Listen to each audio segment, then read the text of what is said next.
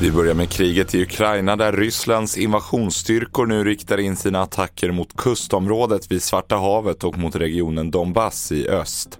Den strategiskt viktiga storstaden Odessa har hittills varit tämligen förskonad från ryska angrepp men hamnstaden skakades igår av en serie kraftiga explosioner. Mer om utvecklingen i Ukraina på tv4.se.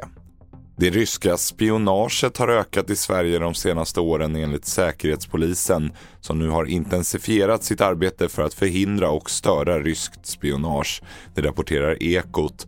Det handlar bland annat om att försöka störa de underrättelseofficerare som finns i landet och enligt Säpo använder Ryssland bland annat signalspaning och telefonavlyssning.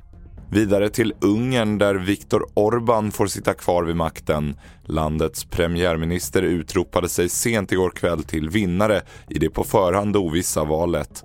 Med en majoritet av rösterna räknade har regeringskoalitionen fått över två tredjedelar av platserna i parlamentet, 135 av 199, mot oppositionens 57 platser.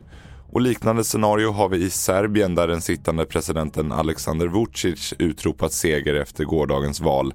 Därmed ser han ut att i ytterligare fem år behålla den makt han via olika positioner redan har haft i ett decennium.